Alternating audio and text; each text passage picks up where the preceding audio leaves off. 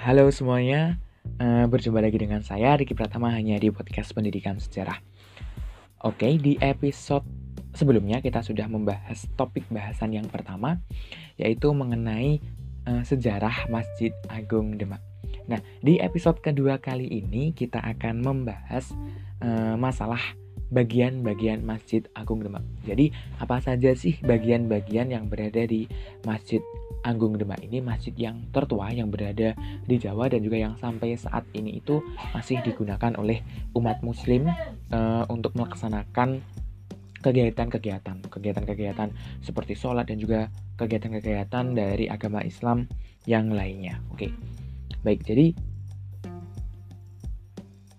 bagian yang eh, pertama kita akan membahas mengenai arsitektur masjidnya. Jadi eh, seperti eh, seperti yang telah dijelaskan bahwasanya eh, dari Masjid Agung Demak ini memiliki arsitektur yang sangat menarik yang merupakan perban, perpaduan antara Islam serta Hindu Buddha. Nah, Masjid Demak ini memiliki arsitektur yang ada pada masjid tradisional Jawa di mana masjid tersebut masih memiliki tiga bagian yakni kepala, badan dan juga kaki.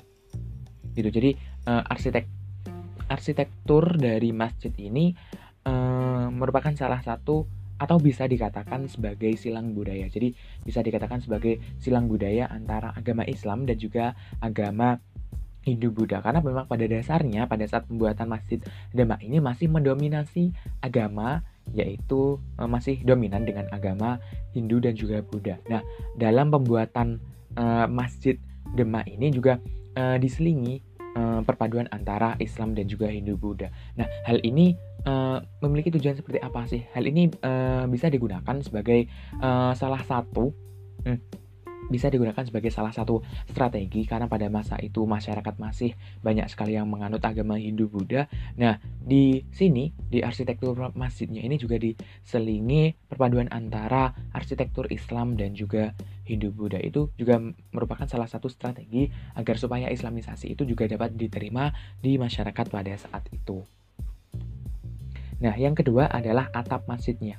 Selain memiliki arsitektur masjid tradisional Jawa yang unik, dari masjid ini adalah tak lain hmm, dapat kita lihat dari atapnya. Jadi uh, Masjid Agung Demak ini berbentuk tumpang ya teman. Jadi kayak tingkat tiga, tingkat tiga yang disebut sebagai atap tajuk atau ruang induk.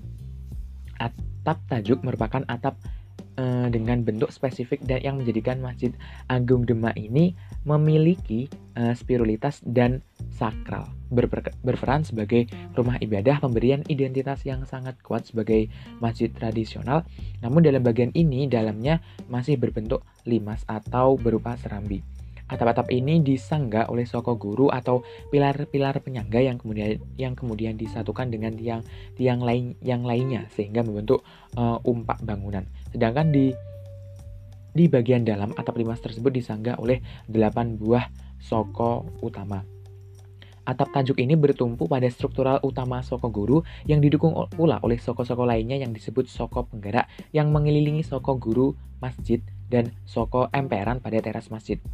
Atap yang berbentuk tajuk berbentuk menyerupai piramida yang semakin ke atas semakin berujung menandakan hubungan vertikal atau uh, atau hubungan antara manusia dengan Tuhannya. Sedangkan atap yang berbentuk limas menandakan hubungan horizontal manusia dengan manusia itu sendiri. Lalu bentuk denah dari atap masjid ini juga berbeda. Atap tajuk ruang induk ini berbentuk seperti bujar sangkar, sedangkan atap limasnya ini berbentuk ruang serambi berbentuk persegi panjang. Kemudian di ujung atap atap tajuk tersebut e, mustaka atau mahkota yang berbentuk daun sukun yang melambangkan kedudukan. Sedangkan pada ujung puncak masjid terdapat mahkota berlafalkan nama Allah. Meskipun berbentuk denah, yang berbeda ini, inilah yang justru yang menjadikan membuat arsitektur yang ada pada Masjid Agung Demak ini memiliki keistimewaan dan juga keunikan sendiri, di mana arsitekturnya ini masih menganut budaya lokal Jawa. Jadi kembali lagi bahwasanya banyak sekali perpaduan-perpaduan eh, atau dapat dikatakan sebagai silang budaya atau percampuran dari eh, budaya yang satu dengan budaya yang lainnya. masuk bagian yang selanjutnya adalah pilar-pilar penyangga masjid. Jadi dalam pembuatannya Masjid Demak ini menggunakan arsitektur lokal, salah satunya yakni pilar-pilar penyangga atau yang disebut dengan soko.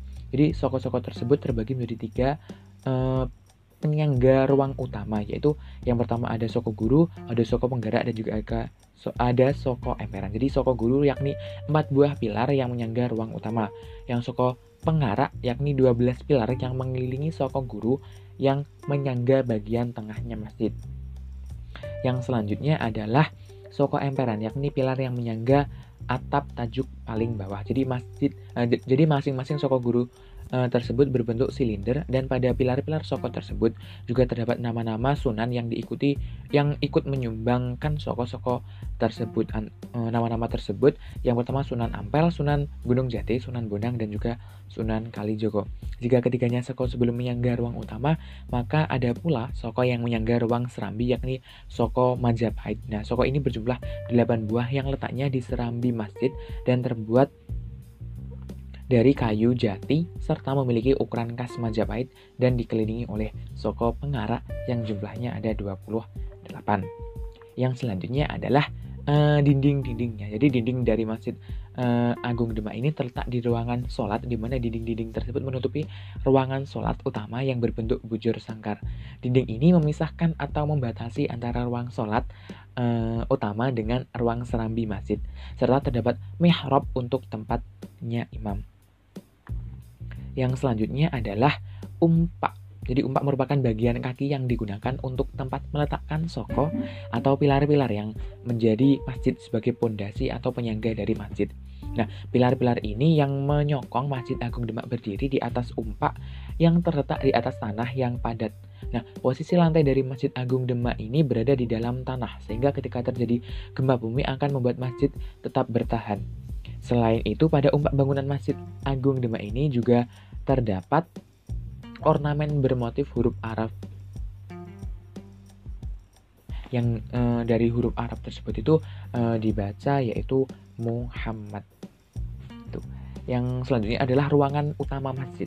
Jadi pada bagian ini adalah uh, ruangan utama dari Masjid Agung Demak. Nah, seperti yang telah dijelaskan sebelumnya bahwa ruangan utama dari Masjid Agung Demak ini berbentuk bujur sangkar, memiliki empat soko guru di tengah bangunan. Dinding yang terbuat dari bata pada sisinya, pintu dan jelenda dan bertatap tajuk berjenjang tiga.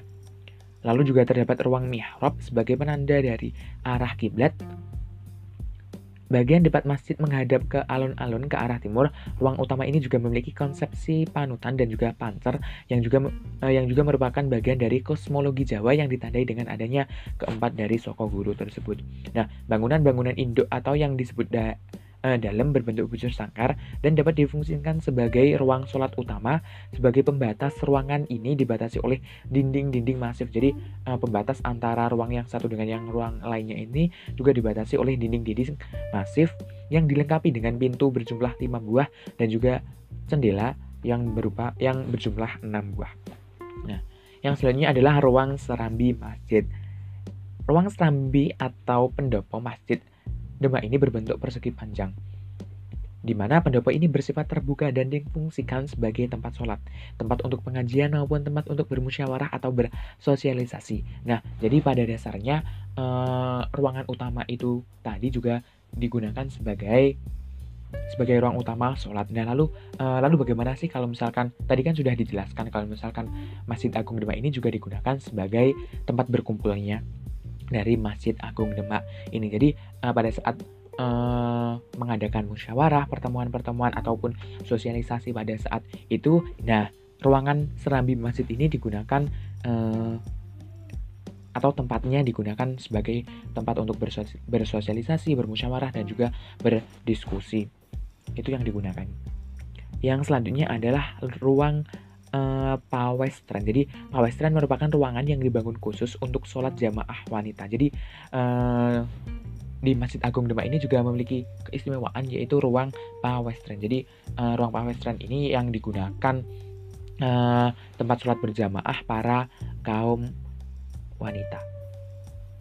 Nah, pembangunan dari ruang pawestran ini juga dimaksudkan untuk area privat berdasarkan perbedaan gendernya. Jadi, sehingga ruangan pawestran ini bisa menyatu dengan ruangan dalam induk, tapi bisa juga terpisah. Nah, ruangan pawestran ini terletak pada sisi selatan bangunan induk atau ruang sholat utama dengan ditopangnya delapan soko dinding pada bagian barat dan juga selatan. Nah, inilah uh, ini tadi adalah bagian-bagian dari Masjid Agung Demak. Lalu apa sih yang bisa didapatkan atau nilai-nilai apa yang didapatkan dari uh, penjelasan di topik bahasan yang kedua ini. Jadi topik bahasan tadi uh, atau bagian-bagian dari Masjid Agung Demak ini juga tidak terlepas dari adanya uh, akulturasi budaya. Dalam artian adanya silang budaya yang uh, yang dilakukan oleh dua dua budaya yang dapat melebur yang masuk ke dalam bagian-bagian dari Masjid Agung Demak gitu. Contohnya saja tadi juga ada Soko yang berasal dari kerajaan Majapahit, lalu juga ada kosmologis Jawa yang juga tertuangkan di dalam Soko Guru. Mungkin itu saja sih yang uh, dapat saya sampaikan di episode kedua atau di topik bahasan yang kedua. Uh, sampai jumpa di episode ketiga mengenai keistimewaan Masjid Agung Demak. Saya Riki Pratama, terima kasih dan sampai jumpa.